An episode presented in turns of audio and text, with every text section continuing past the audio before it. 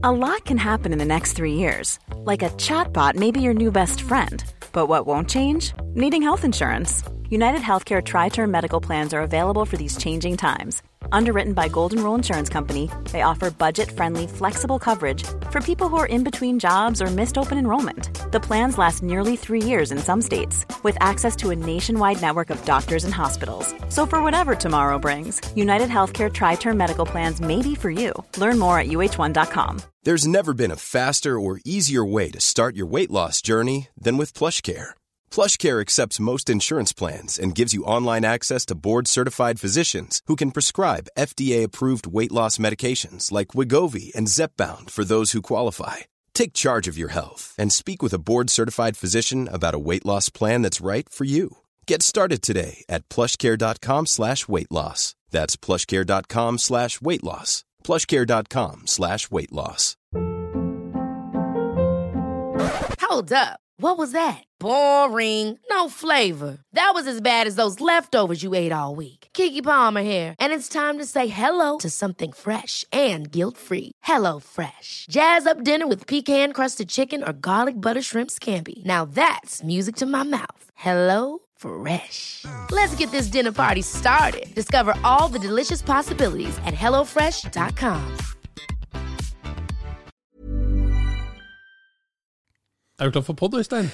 Kjempeklar for pod, og det er jo, altså, vi har snakka om korona, nå er verden åpna opp igjen, men det her rundt i garasjene og ljuge bil, og snakke bil, det er jo så kult, og nå er det endelig fri flyt. Nå er det fri flyt, og vi er på tur igjen. Ja, vi er på tur igjen. Vi er i en ny, herlig garasje, og klar for en ny episode. Vi finner de beste garasjene, altså. Ja, vi gjør det, altså. Ja. Og så har vi liksom en unnskyldning til å banke på garasjedøra, vet du, og vi får komme inn. ja. Det er så herlig. Genialt. vi kjører pod. Ja, vi gjør det.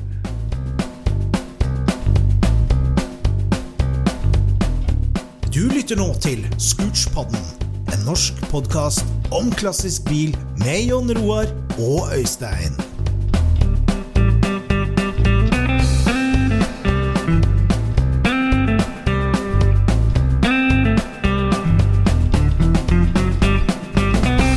Kjære Scootspod-lytter, velkommen til en ny episode, og det er ikke hvilken som helst episode, det er en gjestepod. Og så har vi med oss en skikkelig hyggelig gjest, som hvis du har vært på Porsche-treff de siste ti åra i Norge, eller stått på Rudskogen og sett på klassiske racerbiler som kjører og sett eh, kanskje noen Porscher der, så er det et navn som er synonymt med eh, historisk racing og flott Porsche-samling. Det er en glede her å ha fått audiens i garasjen til Hans Petter Havdal. Velkommen til oss. Jo, takk for det. Det er Eller, hyggelig. det er du som skal si velkommen til oss, forresten. her har du det fint. Nå sitter vi i deilige omgivelser her, i depotet ditt. Ja da. Det er en skikkelig mancave. Ja, du koser deg her. Ja da, så her blir det brukt eh, tid både midt i uka og eh, i helger, selvfølgelig. Ja. ja, for du er jo en travel mann med travel jobb, men du, du, du er her eh, så ofte du kan. Ja da, jeg syns det er viktig å få, selv om det er bare en times tid, men få ta den timen og få gjort litt jobb og kose med det. Ja. ja, for vi sitter altså i et, eh, et nytt, fint næringsbygg, en del av et nytt, fint næringsbygg, og her har vi sju-åtte biler rundt oss. En herlig 73 RS eh, Porsche 911 rett ved kaffebordet. Eh, Nydelig sølvfarga 914 og en original sølvfarga 356 Speedster. Viper Green 73 S. Og så Kremer RSR-kopien, eller Kremer-bilen eh, lenger bort. Så det her, og en vegg full av pokaler, bilder, deler, dekk. Ordentlig, ordentlig mancave. Herlig. Over gjennomsnittet. Ja, det er sånn passe. Det er masse, masse. Du har eh, det her, altså Vi snakka litt om det innledningsvis, Hans Petter, at det med å mekke og kjøre, og det å mekke som følge av kjøringa, altså forbedre bilen hele tida, det er liksom kjernen for deg av trivsel. Jeg tror det er også kjernen til de som holder på med historisk reising, at du har passion for bilen. Mm. Så det å mekke for bilen til å funke, ut på banen og teste, tenke noe nytt, hjem og tune litt. Ja. Det er litt av magien, da. Ja, Det er kombinasjonen av mekking og kjøre bil. Herlig. Så det, det er både òg. Det er godt det å bli eh, møkkete på fingrene. Vi snakker om det òg. Har du i hvert fall kontorjobb, som du ofte har, og ut her og ta tak i det, er deilig. Da kan man eh, slappe av og tenke på noe annet. Ja. Så det er god avveksling. Er, mm, nå har du jo eh, tre eh, biler du kjører historisk racing ganske jevnlig med. 356 Speedster og de to Ni- Nielvaen. Hva er liksom vinterens store oppgraderinger nå som du driver med nå? Nei, det ble litt uh, mekanisk utfordring i fjor. Så vi eh, har begge girkassene ute på begge bilene, og begge motorene er ute. Så det er både det er drivverksoverhaling som er vinterens store tema. Akkurat. Normalt er de veldig driftssikre, men i fjor så hadde vi litt uh, ekstra utfordringer. Ja, som følge av villmannskjøring, eller? Uh... Nei, det er jo gamle ting. Ja. Det er jo ting som er 50 år gammelt, og som blir brukt uh, ja, til det det er bygd for. da. Så det vil alltid være materialtretta ting som kan sprekke, eller du må fikse og bytte ting. Så det er alltid noe som kan skje, da. Ja. ja, for du konkurrerer sjøl i en av Nielvene, og så har du med sønnen din som kjører en av Nielvene òg? Ja da. Og tøffeste fighten er innenfor familien. Ja, jeg skjønner. Og hvem trekker det lengste strået der? Det er en fare for at ungdommen gjør det. Ja, men nå hørte jeg at du flytta han over i litt sånn uh, eldre redskap, så du skal skinne. Ja da, vi har jo en 75-modell, som du sa, en 73-modell. Mm. Så han kjørte den nyeste bilen da i 2020 og ble norgesmester. Såpass, ja. Så det var jo irriterende, nei, det var ikke irriterende, men eh, Hyggelig. så da måtte vi bytte bil for eh, 21. Ja. Men jeg ble likevel slått med ett poeng da, men så det var jo irriterende. Men, Æsj? Ja, det var sønnen som slo deg igjen? ja da, Ja, akkurat. Vi Ja, hadde for- litt eh, plyndere, så han ble nummer tre, og eh, far ble nummer fire. Førstemann utenfor pallen, så det var jo Uff, uff, uff. fortærende. Ja, for det med altså, motorsport og konkurrere og adrenalinet der, det har du med deg fra barnsben av. Ja da, jeg er jo vokst opp i, i eh, Rana kommune, Ja. og eh, opp på et et sted som er stort for seg. En liten, ja, liten bygd, 1000 innbyggere. Og Derfor var det ikke langt til Røsvoll. Eh, og der var Norges første motorbane bygd av asfaltbane. Ja. Bygd eh, var ferdig sånn 75 ca. Ja. Um, så det har nok prega meg. Ja, ja, for du dro dit da på ledig tid og fulgte med? Ja, Min far var ikke så veldig bilinteressert, men han var veldig flink til å være med i idrettslag og delta på dugnad. Og de var funksjonær da på, på, på løpet, eller på løpene. Akkurat. Og han var tidtager. Så han satt på stokkbord på klokka tok ti, og da kunne jeg gå alene da ut til depot. Ja. Og en tiåring kom og spurte om å sitte i en bil, så fikk han jo lov til det. Så det var jo uh, kraftig overdose med inntrykk. ja, det vil jeg tro. Så i 75, ja, men hva slags biler var det som konkurrerte der da i 75? Altså svensker, nordmenn? Ja, Det var ganske heftig, faktisk, fordi at um, det var ikke så mange baner da. Så både finner og svensker kom og kjørte. Ja. De hadde jo liksom versting, eh, gruppe 2, Ford Capri med V6-er, Mm. BMW 2002 med Kugelfischer. Ah. Det var ja, Ford Escort BDG, og det var liksom alt det verste av det verste. Rått. Så for en eh, 10-12-åring så var det ganske Oi, oi, oi. interessant, da. Men hadde du fotoapparat som disponert? Har du bilder fra det? Ja, jeg har noen bilder fra det, Har du det? faktisk. Litt som Falma, men det er fra den tida. Har du det? Jeg må også si det at det her var jo på den tida hvor uh, Flåklypa-filmen kom ut. Så det var jo inspirasjon å få se da sånne racerbiler faktisk på nært hold med eh, innsprøytning, svære trakter, uh, forferdelig grom lyd. Det var, det var moro. Men da, altså, når du fikk din første bil, da, konkurrerte du der sjøl, eller starta du der? Nei, um, jeg var jo for ung til, til å ha bil da. Mm. Jeg hadde lyst til å bygge selvfølgelig racerbil, inspirert av Flåklypa. Ja. Men ehm, det vi gjorde, da, var å bygge en gokart. Ja. Og eh, det var jo etablert i Sverige, men veldig lite av det i Norge, iallfall ikke så langt nord. Så alle sa jo det, nei, du må jo bare kjøpe en brukt en. La til Sverige kjøpe en brukt.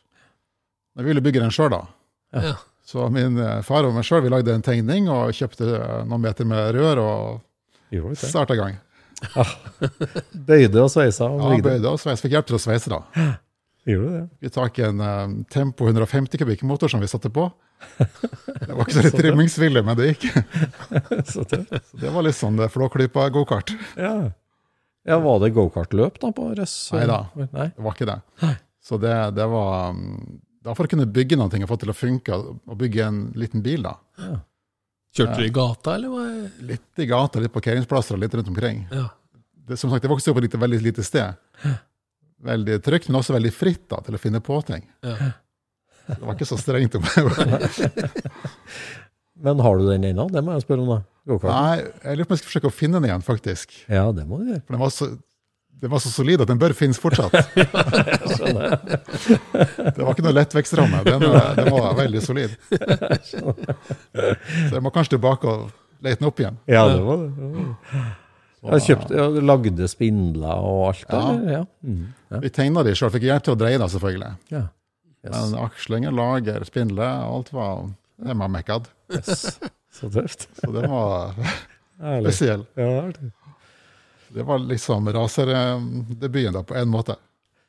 Men da jeg kjente jo det allerede da, at det å bygge sjøl og mekke, og det å kjøre, at det var stas alt det der. Selvsagt. Ja, altså lage ting. Ja. Og konstruere, lage tegninger. Og bygge det, og så se at det liksom ble noe. Ja. Det, det var kult. Og da du bestemte deg for å bli maskiningeniør òg, eller? Ja, det tror jeg var gitt ganske tidlig. Var det? Det var ikke noe alternativ. Å, nei. Alltid vært sånn mekkeinteressert. Jeg trimma først, så var gressklipperen. og den delte vi med naboen. Han ble klin gæren av at den aldri gikk. så det var starten på Ja, det, ja. Ja. Var porta da på kjøkkenbenken, eller? ja, og så mye sånn eksos for å få lyd da, vet du. Ja. Så det var, det var spennende. Den første én-til-én-skala av bilen, da, eller? Og, og, hvordan skjedde det? Nei, egentlig så var jeg ikke, var ikke interessert i Porsche og boble så tidlig. Nei. Jeg var mer interessert i motorsport og racerbil, så jeg leste jo da det her bladet som heter IMS. International Motorsport, svensk blad.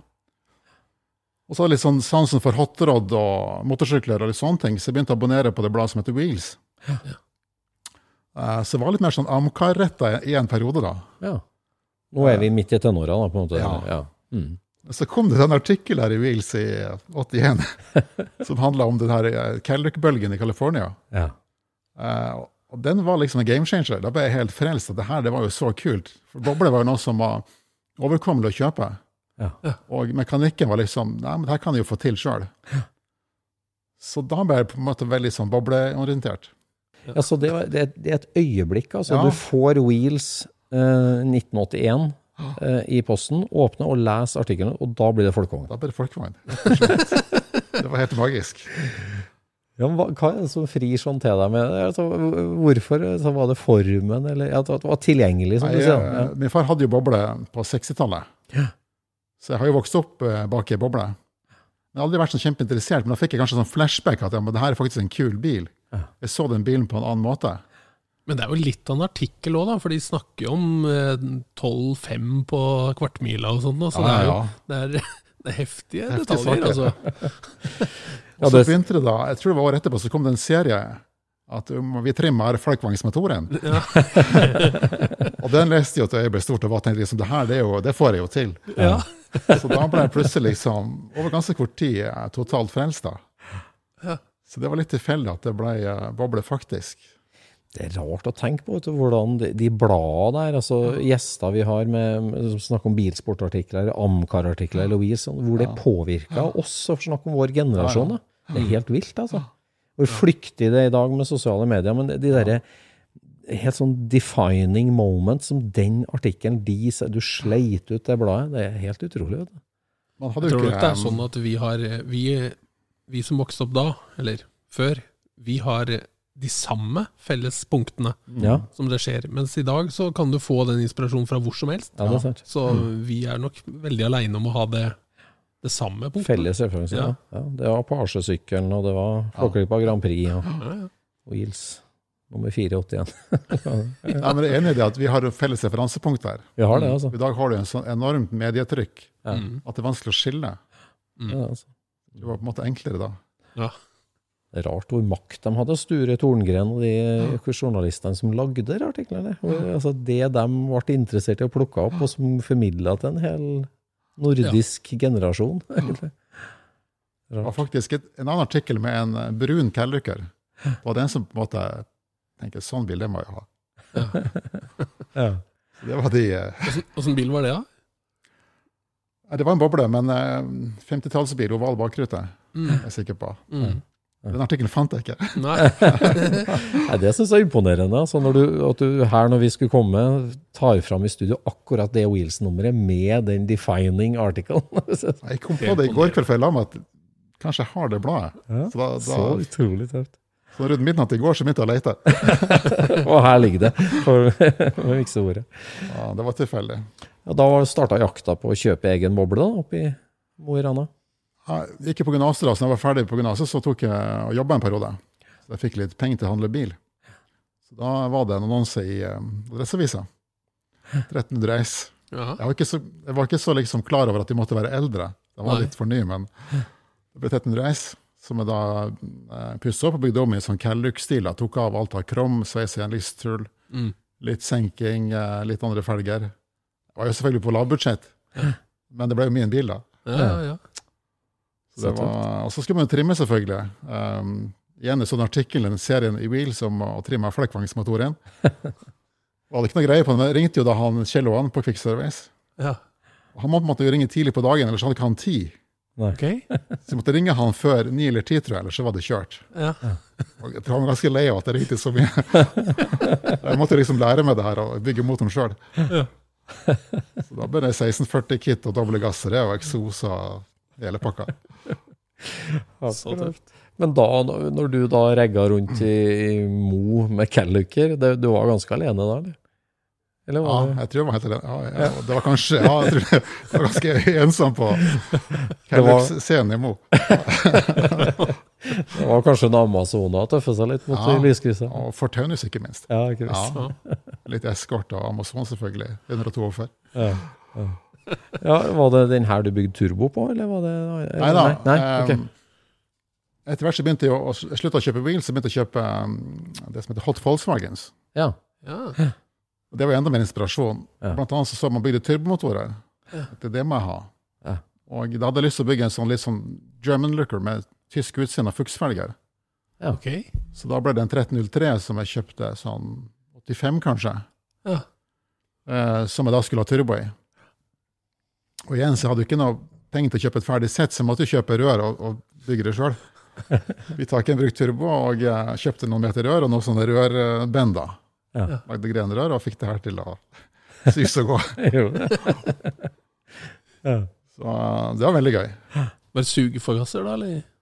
Um, det var trykkmat jeg gasser det. Jeg trykkmålte gasser. Ja. Sånn Oi. på en um, Lotus Esprit Turbo, de hadde også det. Ja. Og der jeg fikk inspirasjon fra. Ja, ja. Du fikk det til å fungere, altså. Ja, ja, ja. Ja. Da hadde jeg hjelp fra en kompis i, i Trondheim som hadde litt greie på det. Litt mer enn meg, da, må jeg bare tilstå. Å velge riktige turboer og lengder og avstander og sånn, da. Mm. Eh, men det funka. Ja, for så gikk jo turen til Trondheim, og du starta på studiet på Ja. maskinlinja der. Og da hadde med deg turbobobla dit, da. Den ble bygd mens jeg studerte, faktisk. Ja, akkurat. Mm. På scene. Vi hadde jo et verksted der som heter Fader Herons verksted. Ja, ja. eh, og der bygde jeg den turbomotoren på sene kvelder.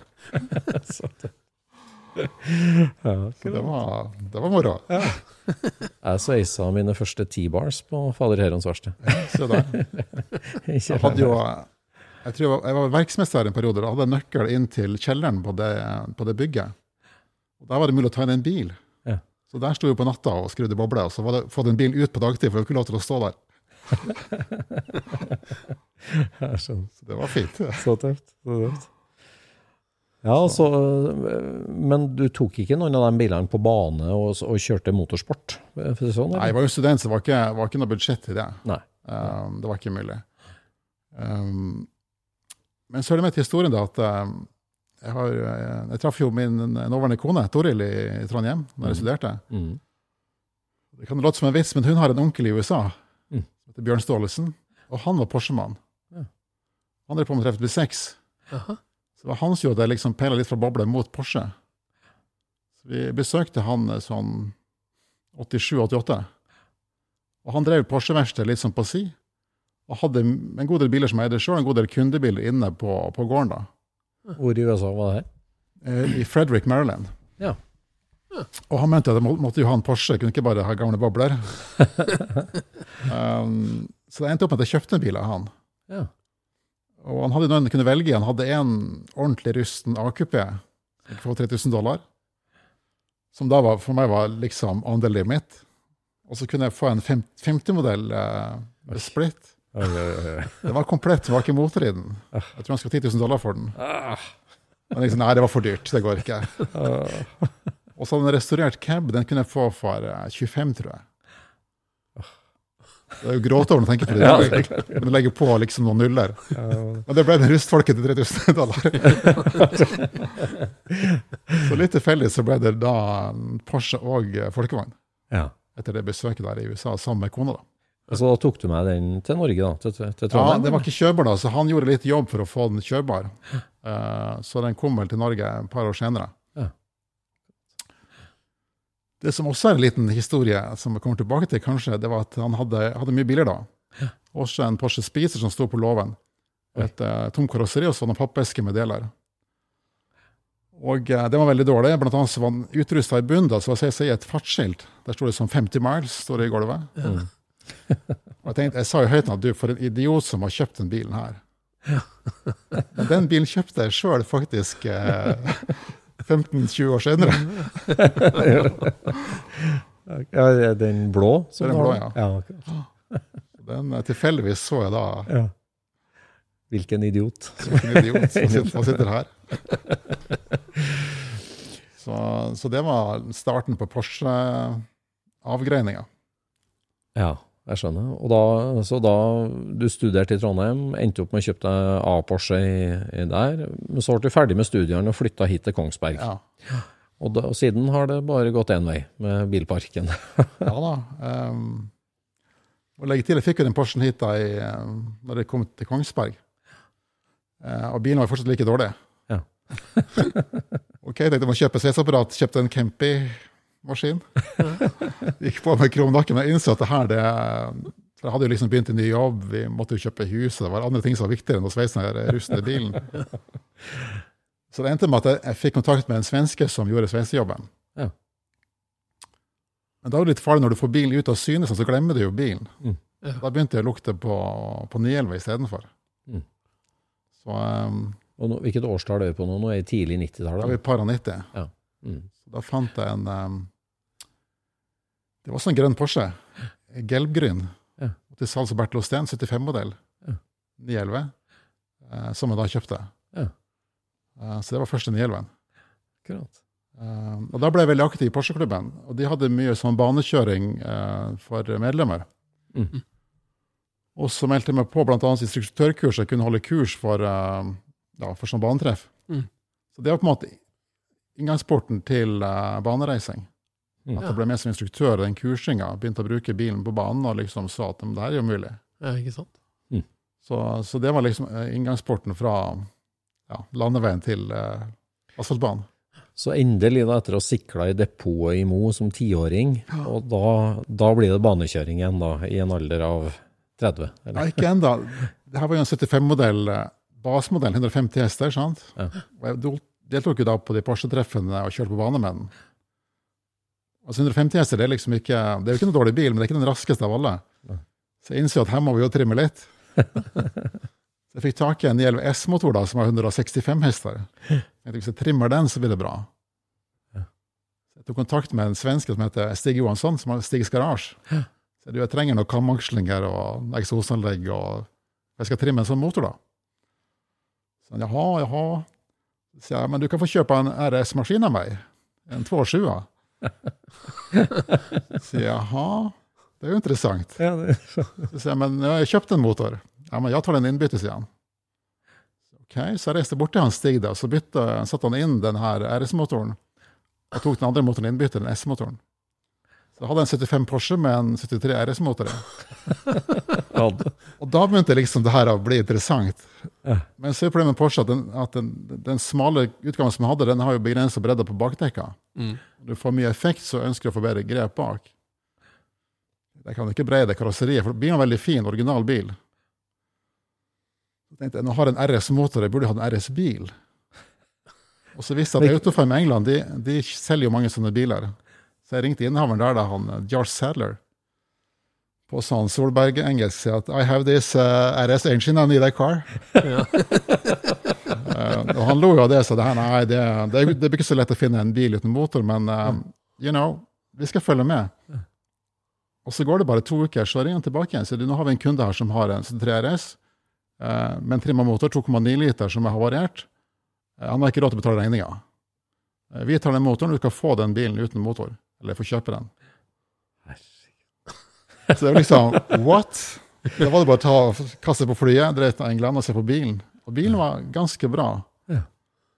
Uh, Men det var, det- var en venstreratta, Ja, det var en tysk bil, egentlig. Ja. Uh, Så på bilen, den var ganske bra. Den hadde gått litt sånn asfaltrally, så den var jo brukt, da, men, men uh, alt var der. Kjøpte bilen, tok den tilbake hit, satte RS-motoren inn i den bilen. Originalmotor tilbake til den andre bilen, og, og solgte den selvfølgelig. Men da hadde jo en bil som gikk bra, så bra ut, riktig lyd. Den her må jo bli racerbil. Hvilket årstall er vi på nå? Hvilket år var den der kommet? Da er vi på 96 antagelig. Det Det, satt jo, det satt jo et sånt halvbur i den. Så hadde litt sånn racingfølelse.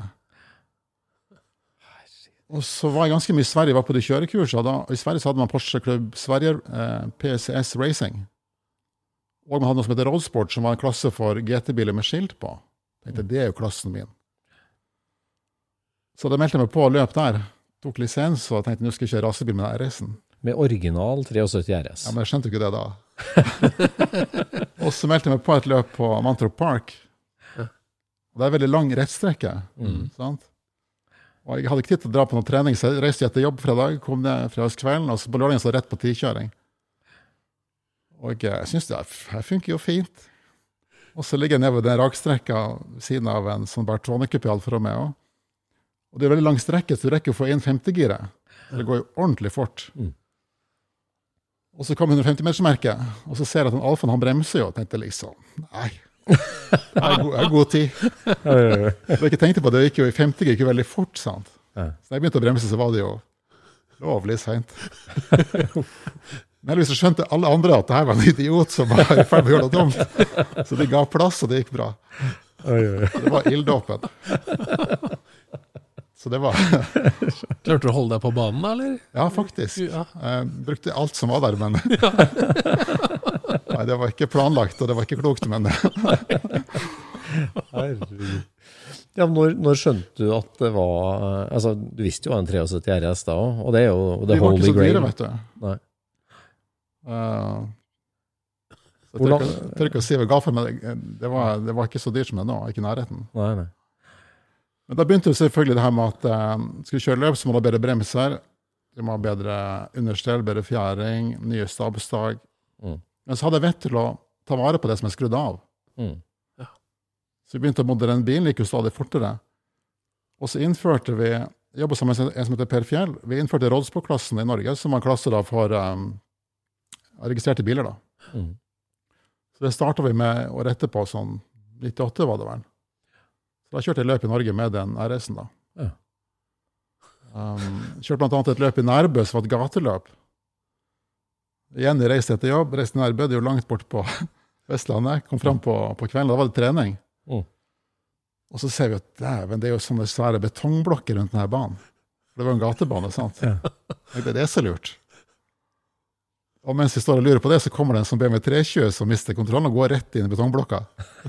Og blir en halv meter kortere. Jeg tenkte, nei, ok, vi- det her må vi sove på. Men vi kjørte løpet, og vi hadde det veldig gøy. Det gikk, gikk bra. Ja. Så, og det var racingdebuten. Ja. Hvordan var det, da? Liksom Begynne å kjøre ordentlig racing og asfaltbane, siden du har drømt om det siden du var tiåring? kan vi si, det var... Nei, det var jo altoppslukende. Mm. Det var jo det som var den store passion. Ja. Og så var det veldig enkelt i begynnelsen. Vi hadde jo med verktøykassa inne i bilen, hadde med et par ekstra dekk. Så vi kjørte løpsbilen til banen, Mm. ut med verktøyet. Bytta kanskje dekk, og så ut og kjøre, og så var det hjemme igjen etterpå. Så det måtte jo være helt vi kunne komme oss hjem. Ja, ikke sant? Og så ble det selvfølgelig eh, at man måtte ha tilhenger og trekkvogn, og det baller jo på seg, som det Ja. alltid gjør. Mm. Um, men jeg hadde jo veldig gøy og gode um, kompiser som kjørte sammen i samme klassen. Mm. Det var veldig fint miljø, veldig godt samhold. og Alle var jo sånn Jeg bygde bilen sjøl og liksom hadde mekka ordna, forska ut smarte ting, ut og teste. Uh, så veldig levende og godt miljø. Ja, Det var det. Kjempemoro. artig.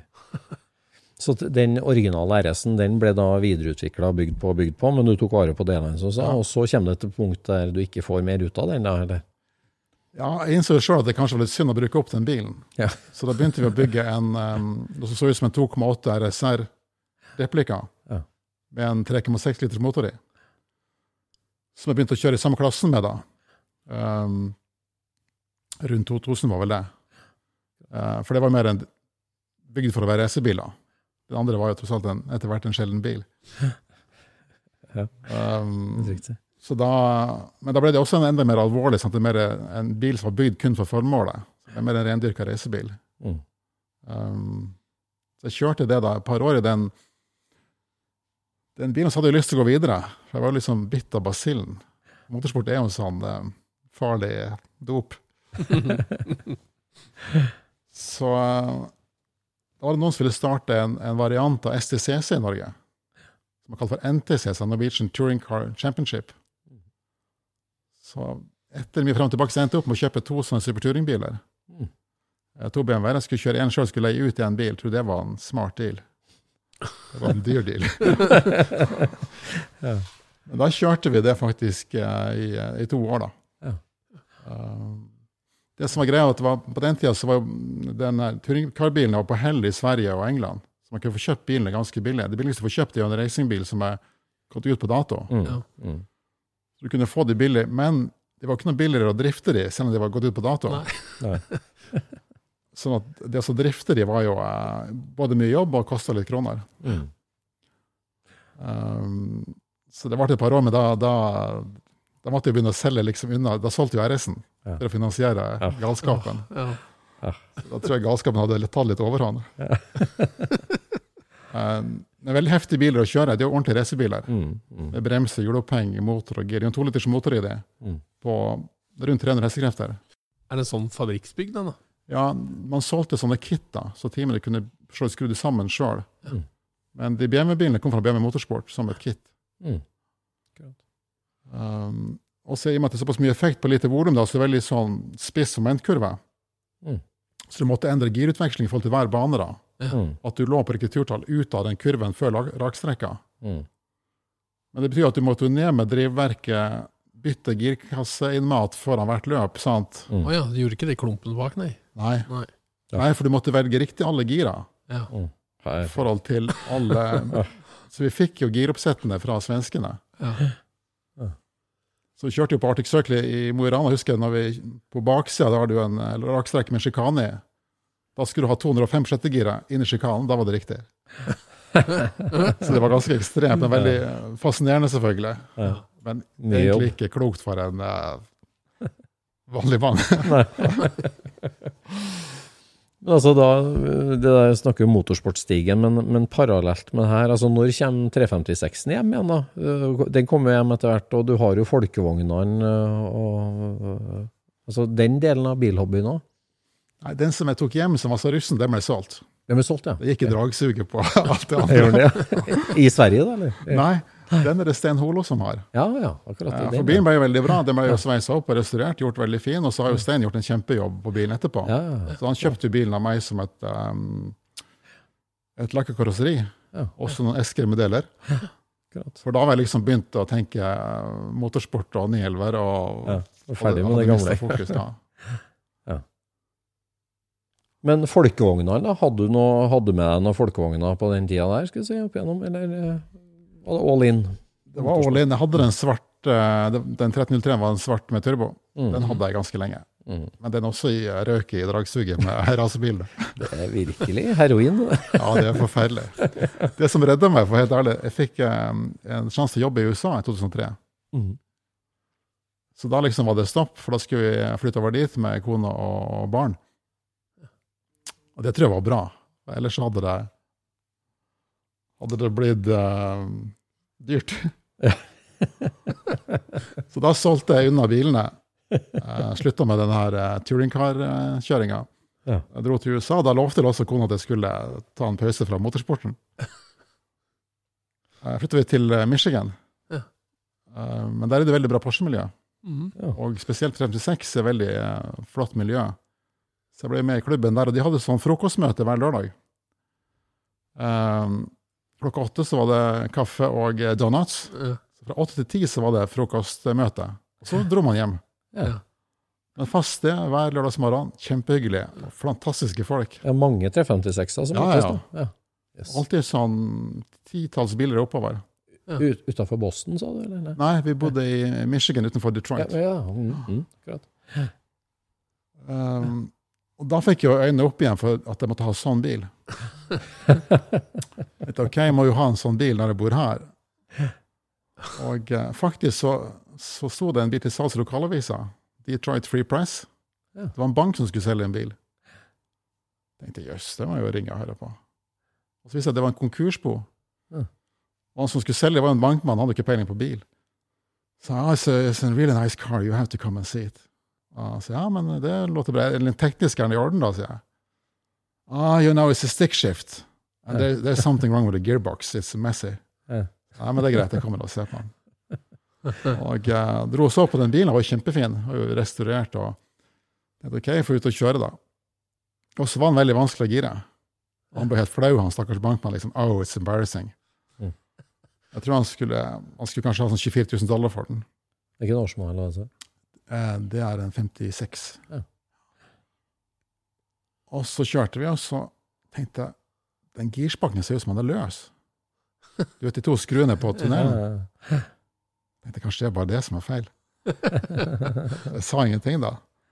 Så sier jeg du, jeg kan gi deg et tilbud på den bilen, eller I can make an offer. Så, ah, det må ikke være for lav, for da, da blir sjefen min gal, sier han bankmannen da. Eh, så ga han et bud på bilen, og så ja, I had to check. Ja, men det var greit, så fikk jeg den bilen da. Jeg kjørte bilen hjem, tok frem en 13-nøkkel, dro fast to skruer, og var bilen i orden. det var litt flaks da. Men da fikk jeg kjøpt en, en eh, kupé, og brukte den på de her klubbtreffene i det miljøet. da. De var veldig aktive, gjorde veldig mye. Hyggelig, da. Det som var skummelt, var at det var også noen som kjørte historisk reising i den, det miljøet. da. Det var en, eh, tre-fire stykker som var veldig aktive. Og en kjent profil med Vic Skermans, Mm. som har kjørt 36 i mange, mange år, han var med i klubben. Så Jeg begynte å prate med han, og ble ikke ganske godt kjent med han, var hjemme hos han og så på hans reisebil. 356 Enterprises. Ja. Ok. Er du en sånn bil, eh, det hadde vært fint. Så fikk han til å forsøke å få tak i en løpsbil. da. Eh, vi så forskjellige, både kupé og åpne. Så fikk han tak i en bil da, i Ohio som sa du, eh, den har ikke gått mange år, men tror det er en bra bil. Det kan være en spiser, sier han. Ja, ok. Eh, men motoren er dårlig, men hvis jeg kan ta jobben på motoren, så, så kan jeg fikse en deal. Kjøper du bilen av meg, så fikser vi motoren. Yes. Uh, og så ble det kjøpte den bilen, han ordna motoren, og så meldte vi oss på løp. da. Det hadde jeg lovt jeg ikke skulle gjøre, men jeg gjorde det likevel. Så jeg kjørte ett løp i USA, da, på Mid Ohio, med den bilen. Ja. Uh, og det er den sølvfarga bilen som jeg har her. da. Ja. Uh, og fantastisk miljø. Utrolig godt samhold og, og stor deltakelse. Og det her var i 2004-2005 eller noe sånt? I eller? fem var vel det her. Ja. Uh, så da var, da var jeg liksom konvertert fra sånn moderne touring car racing til uh, helt kontrapunkt tilbake til uh, til? classic cars. For jeg så at det her er jo mer fornuftig. Man kan liksom, Uten å bli helt ruinert, så kan man liksom kjøre løpet av det moro. Um, så det var veldig gøy. Så artig. Det som er liksom closing remark på den, det var at uh, før vi reiste hjem, da Jeg jobba i to år, skulle vi hjem da i 2005, så besøkte vi han Bjørn igjen, han som um, Onkelen. onkelen til kona. Um, og igjen så så den spiseren på låven, den som var så dårlig. Den her idiotbilen. Uh, det var ikke hans bil, det var en kunde sin bil, en som het Dennis som eide bilen. Og han Dennis, han var der. Og han var også bitt av racingbasillen. Og han måtte ha ny motor til sin Han hadde en sånn Cooper Formen-bil som måtte ha ny motor til. Så han you, you know, I had to sell this speedster to uh, buy this motor. så OK. Så var det en ganske hyggelig pris. Så nei, men jeg tar denne bilen. Så da kjøpte jeg den. Og det var bare noen uker før vi skulle flytte hjem. Så det ble et himla kaos. To spitsere på flyttelasset? Nei, jeg tenkte at den var, den var dårlig. Ja. Den måtte stå i en jigg for å bli sveisa. Jeg tenkte at den er bedre få sveisa i USA. Så jeg fikk tips om et bra verksted. Eh, fikk leid en sånn U-Haul lastebil, henta bilen, kjørte den ned til det verste, fikk satt den inn der, eh, før jeg fikk pakka og reist hjem. Så kult. Så um, det er en liten verden. Ja, det er litt. Så da satte du igjen den til restaurering, men tok med racerbilen hjem, da? Den Tok med racerbilen og den kupeen. Ja. Og den kupeen, ja. Ja, det tok jeg med hjem. ja. Akkurat. Så den andre sto der i Den som var dårlig, da, sto der i fem år til.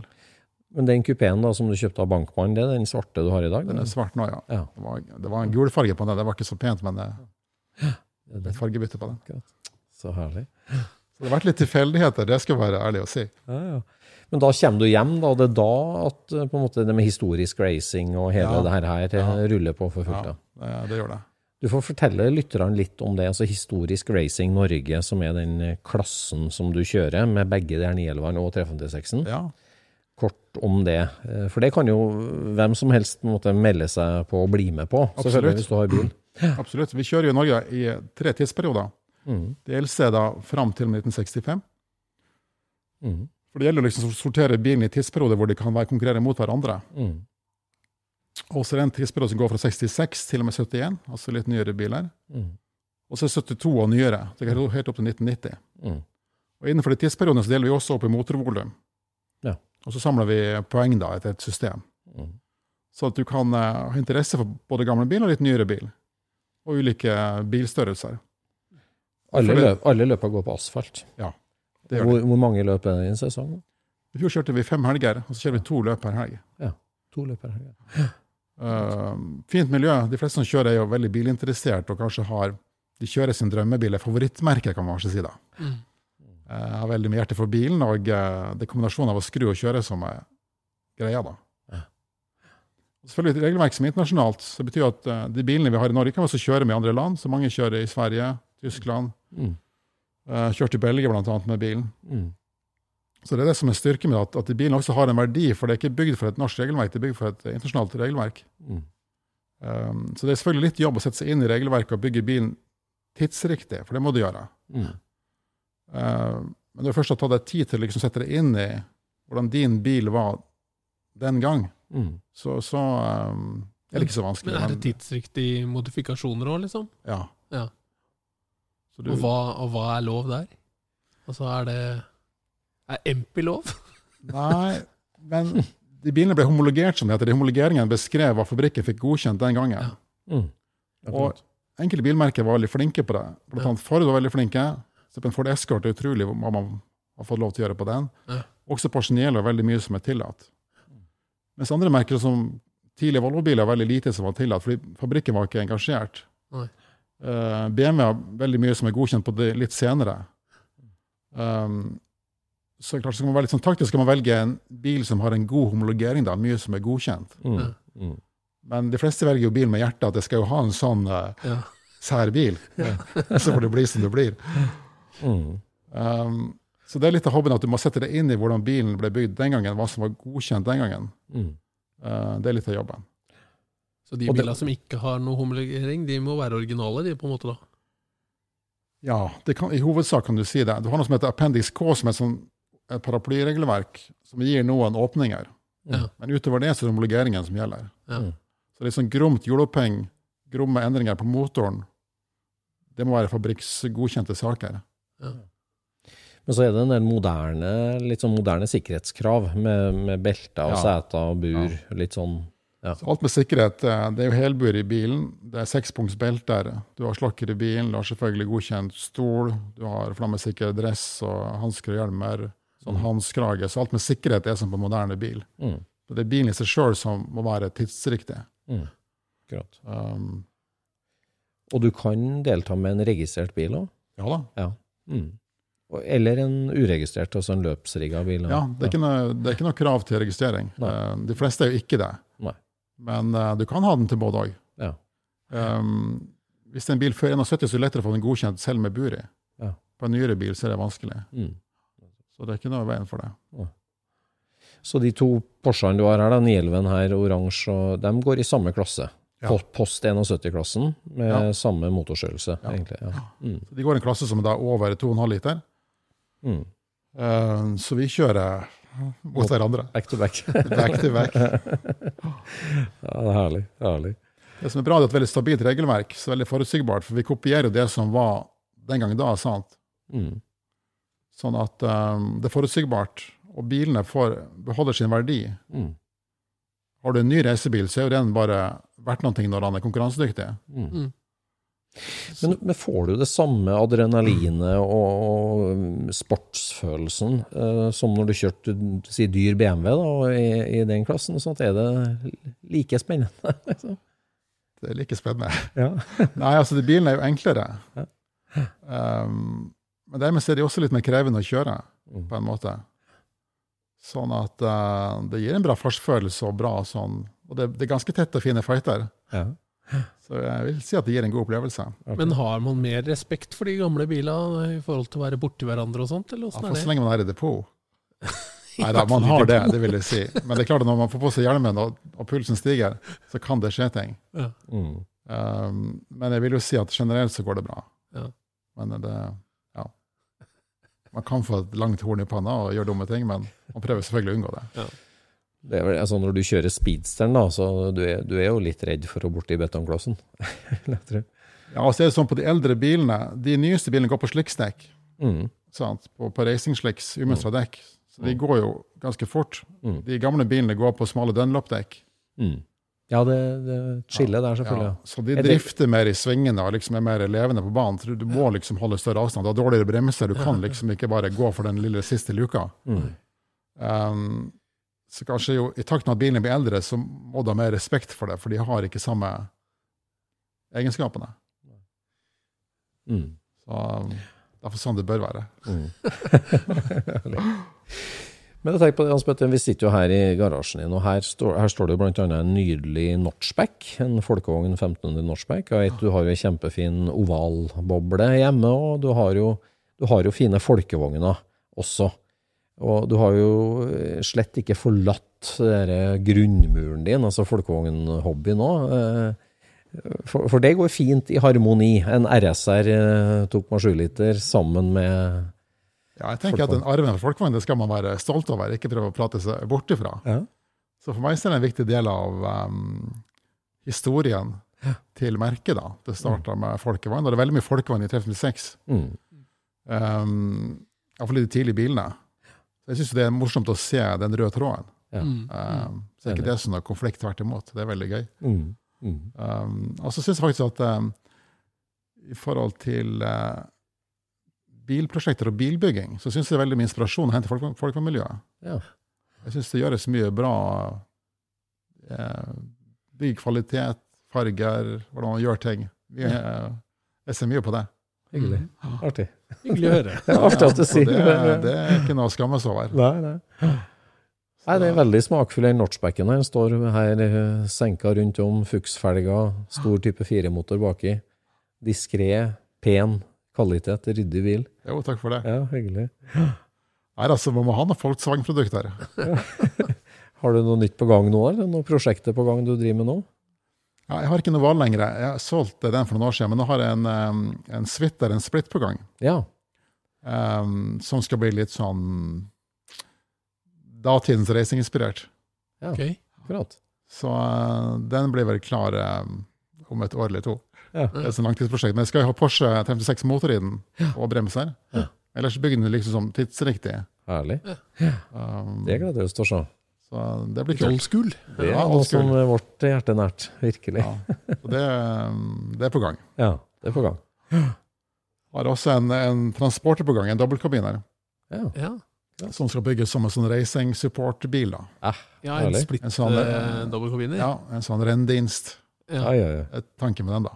Med hengerfeste? da? Ja, det må jo bli det etter hvert. Det skal være liksom matchende tilbehør til uh, spiseren. da. Ja. ja. Ah, det er tanken. Fy søren, det blir tøft. tøft. Det Så har noen planer der. Ja, det er det.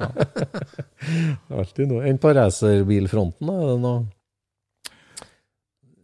Vi prøver å få kjørt um, Vi kjører NM i Norge, da, med de nielvene. Ja. Og så prøver vi å kjøre noen løp utenlands. Uh, nå har det ikke vært det de siste pga. pandemien, mm. men jeg prøver å kjøre utenlands med den spiseren. da. For i Norge så de fleste bilene er nyere, kan du si. Ja. Uh, hovedtyngden ligger kanskje rundt 70-tallet. Så den blir litt gammel. Så vi prøver å kjøre Målet nå i år er å kjøre Ultimate Grand Prix. Ja. Og så kjørte uh, Midsummer Classic med den bilen på spa. Yes. Og Det er en opplevelse å kjøre på de kjente banene liksom i et startfelt sammen med sånne biler. Mm. ja, det må være rått. Jeg kjørte Ultimate Grand Prix 2018 eller 2019, var det vel. Da kjører man et kveldsløp Mm. På kvelden man starter liksom i halv ni, og så blir det mørkt mens du kjører. Ja. Og så må du ha lys for bilen. Um, og da kjører du sammen med Ferrari 250 GTO, du kjører sammen med Detona, Cobra Detona Coupé. Ja. Og man blir selvfølgelig tatt igjen av de bilene. Mm. Men å liksom bli varva av en 250 GTO på natta eller på kvelden ja, Det er helt greit. Selv om vi er forbikjørt, så er det, er helt greit. Det er greit, altså. Det er litt sånn wow! Da har du ikke lyst til å ligge i veien. Nei. Oi, oi, oi. Hva slags motor har du i Spitzeren, egentlig? Er det- Det er jo også en historisk bil. Så den Ja. må jo ha den originale 1600-motoren. Ja. Um, nå, er, får vi stadig ut mer effekter. Nå får vi ut 150 hester med samme motor. Mhm. Um, så bilen går faktisk ganske bra. Ja. Sånn at um, vi matcher nesten en, en sånn uh, tidlig 911, faktisk. Gjør det? Uh, litt avhengig av vær og føre, men, men uh, den går veldig bra. For den har lavt tyngdepunkt, den har ikke noe tak. Lettere er bil? veldig, Mm. veldig lett bil og brukbar effekt. Ja. Ja. Så den har jeg kjørt både på Oldtimer Grand Prix og også kjørt på, på Spada, Midsummer Classic. Hva er som er begrensninga i en sånn motor, da? Altså, Er det forgasserne som du ikke får eh, store nok, liksom? Eller hva? Ja, du må jo bruke de godkjente Solex-forgasserne. Ja. Og så er det toppene også har sin begrensning. Ja. Du kan ikke ha Du må ha originale ventiler, da. Mm. Så det begrenser litt. Utrolig. Så uh, Vi hadde jo en spennende øvelse vi kjørte på, på Spada. Hadde jeg aldri kjørt her før, så jeg kjørte på dataspill på simulator. Mm. Kjørte først. Det hjalp veldig. ja. Mm. Det er en lang bane, man må jo lære seg svingene. sant? Ja. Men det var veldig stor hjelp. Ja. Nei, men det ga veldig mye, faktisk. Um, så vi kjørte vel der til vi var 18 eller 19. Uh, dro vi ned med den bilen. Mm. Um, Storstevne, mange biler, veldig moro. Og herlig å kjøre på sånn bane. Men var det bare 356 sammen også i noen klasse, eller? Er det, Nei, det var biler før 65. Ja. Mm. Så det var jo også uh, AC Cobra og Ferrarier og ganske heftige korvetter som gikk svinfort. Mm. Ja. Så jeg husker jeg kjørte jo alt jeg orka opp den her Rouge, Ja. og ble forbikjørt av en sånn uh, tidsriktig korvette med om det er åtte eller ni liter, vet jeg ikke, men jeg holdt jo på å Rista godt. skite på meg. men uh, heftig. En veldig kul bane, det der spa. Ja, det man ikke ser, det er, det er veldig bratt oppover Rouge, men det er også ganske bratt ned igjen på andre sida. Ja. Så det er en heftig bane. Um, så det fungerte ganske bra. Vi kjørte jo trening, og så var det jo løp da på lørdagen. Eh, han ganske godt med i feltet, hadde kniving med noe MG-er som ville ha bytta plass. Kjempespennende. Og så begynner det å lukte bensin i bilen. Og da hadde jeg kjørt opp uh, Rouge og på vei ned igjen. Og så stopper motoren nede ved bakken. Så ser jeg i speilet, så ser jeg den svarte røyken bare velte ut motorlokket bak. Aha. tenkte faen, her er det jo brann om bord. Motoren stokka, og så fikk jeg dratt bilen ut på sida. Og eh, det er jo ikke alltid du har brannvakter i nærheten, så jeg tenkte jeg må bare ta ut slakkeren og slakke sjøl. Hadde skumapparat i bilen. Eh, fikk, tok av beltet, fikk tak i slakkeren, bak åpna luka, da slo flammene ut. Men men fikk slokka det med skumapparatet. Og liksom, yes, var fornøyd. Og så kommer det selvfølgelig en funksjonær løpende, svær brann, med pulverapparat, Mm. og bare Tømte. Hele. Etter at det var slokka? Ja, tenkte hva gjør du? Nei, det var safety. Tenkte ja, kill for less. Ja. Men i alle fall, um, i og med at jeg fikk slokk ganske tidlig, så var det ikke så mye skade på bilen. Tenkte at Nå var det bare å få vaska og gjort rent fort som pakker. Uh, vi brukte hele kvelden, men vi fikk faktisk gjort bilen ren og fikk den kjøreklar neste dag. Ja. Oh, yes. Vi kjørte søndagen. Nei, nei. Hva som skjedde sånn, da? eh, Hva var det som brant, da? Nei, det var faktisk en liten blindplugg på forgasseren. Ja. Hadde skrudd seg ut. Ja. Så der sto bensinspruten rett ut ned på eksosanlegget, så det kunne gått enda verre. Ja. Da fikk vi en liten stekk. Ja. ja, veldig artig. Veldig artig. Det hører med. Det hører vi. Så da er det det. Det blir to 911 i drift uh, hele sesongen her, pluss 356 på litt uh, utenlandsopphold. Det er planen. Det er planen. Så uh, hvis ikke det blir mer hva skal vi si, pandemi og elendighet, så skal vi ta oss en utenlandstur med den bilen. da. Det fri, det frister ikke med å du, du, du er ikke på det kjøret igjen at du må bli nyere og nyere og gå fortere og fortere? Og ta noe sånn GT Porsche nyere type, eller hvordan er det der? Nei, Vi har tenkt tanken, men uh, skal du henge med der, så må du på en måte ha det nyeste materialet. Mm. Så jeg er litt glad at jeg kommer kanskje ut av det sporet. Ikke ramle oppi der igjen. Ja, ja, ja. Nei, det er all respekt for de som gjør det. Ja. det er veldig utfordrende. Mm. Men eh, det trives veldig godt der vi er. Godt miljø, og vi har fine fighter. Og vi har gleden av å skru bil og mekke bil og ja, får den delen av hobbyen, da. Og Historisk Racing i Norge det er jo en organisasjon som man kan melde seg inn i og være med på Ja for å begynne å få smaken på det, og, og kanskje da bli med med bil etter hvert. Absolutt. Du kan være støttemedlem. Da er velkommen på løp, selvfølgelig. Vi har lunsj på søndager, og vi har litt eh, ja, møter og årsfest og sånne ting. Mm. Um, så alle er velkommen der til å være med og se på løp og snuse inn miljøet, da. Få bensinlukta og uh, svidd gummi. så det, det er en viktig del. Absolutt. Har du noe, altså du, du har jo en drømmegarasje og du har masse drømmebiler, men har du noen drømmebil igjen som du ikke har ennå? Hvilke annonser følger du med på, eller hva? Har du noe i kikkert? Jeg vet ikke om det er alderdomsting, men jeg har, litt, eh, jeg har mer og mer sansen for de eldre bilene. Ja, det var det? Så en sånn eh, en 56 kupé, en tidlig en, altså pre-A, tidlig kupé hadde vært eh, moro. Mm. Um, og så er jeg jo svak for Porsche 904, men den ble ikke så lett å få tak i.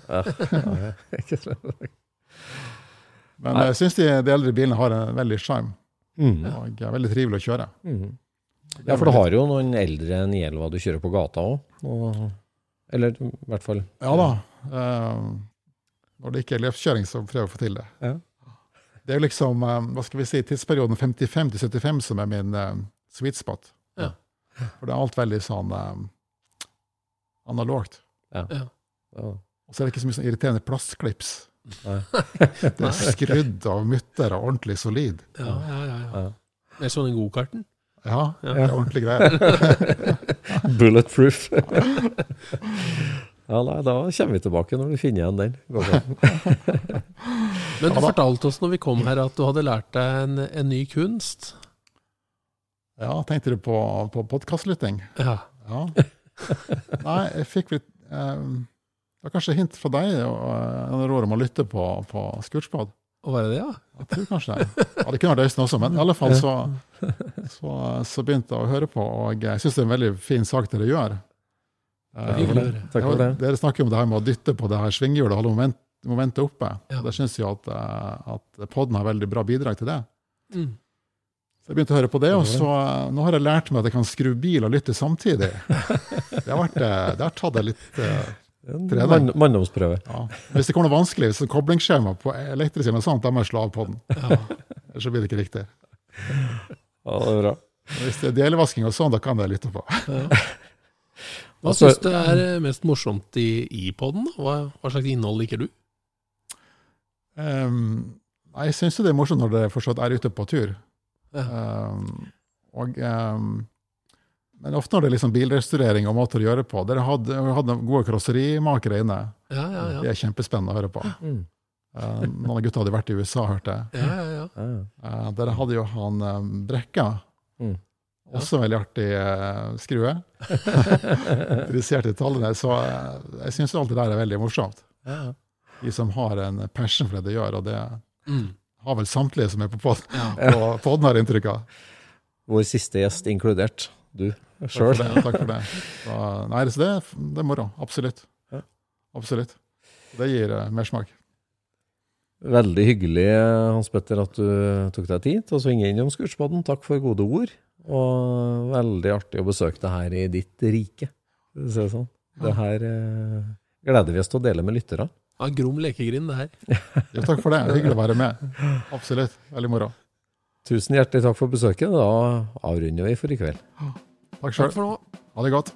Ha det bra. Scootspodden produseres av SSC Media, med god hjelp av VV Norge og Trond Dahl for hosting, Knut Micaelsen for musikk. Abonner på Scootspod via podcaster eller Acast, og følg Scootspod på Instagram og se det vi snakker om. Der kan du også komme med kommentarer og innspill, og fortelle oss hva du vil høre om.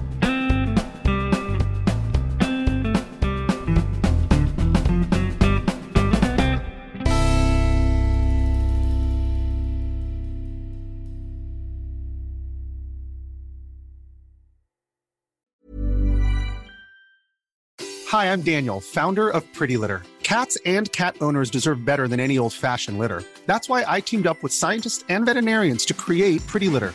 Its innovative crystal formula has superior odor control and weighs up to 80% less than clay litter. Pretty Litter even monitors health by changing colors to help detect early signs of potential illness. It's the world's smartest kitty litter. Go to prettylitter.com and use code ACAST for 20% off your first order and a free cat toy. Terms and conditions apply. See site for details.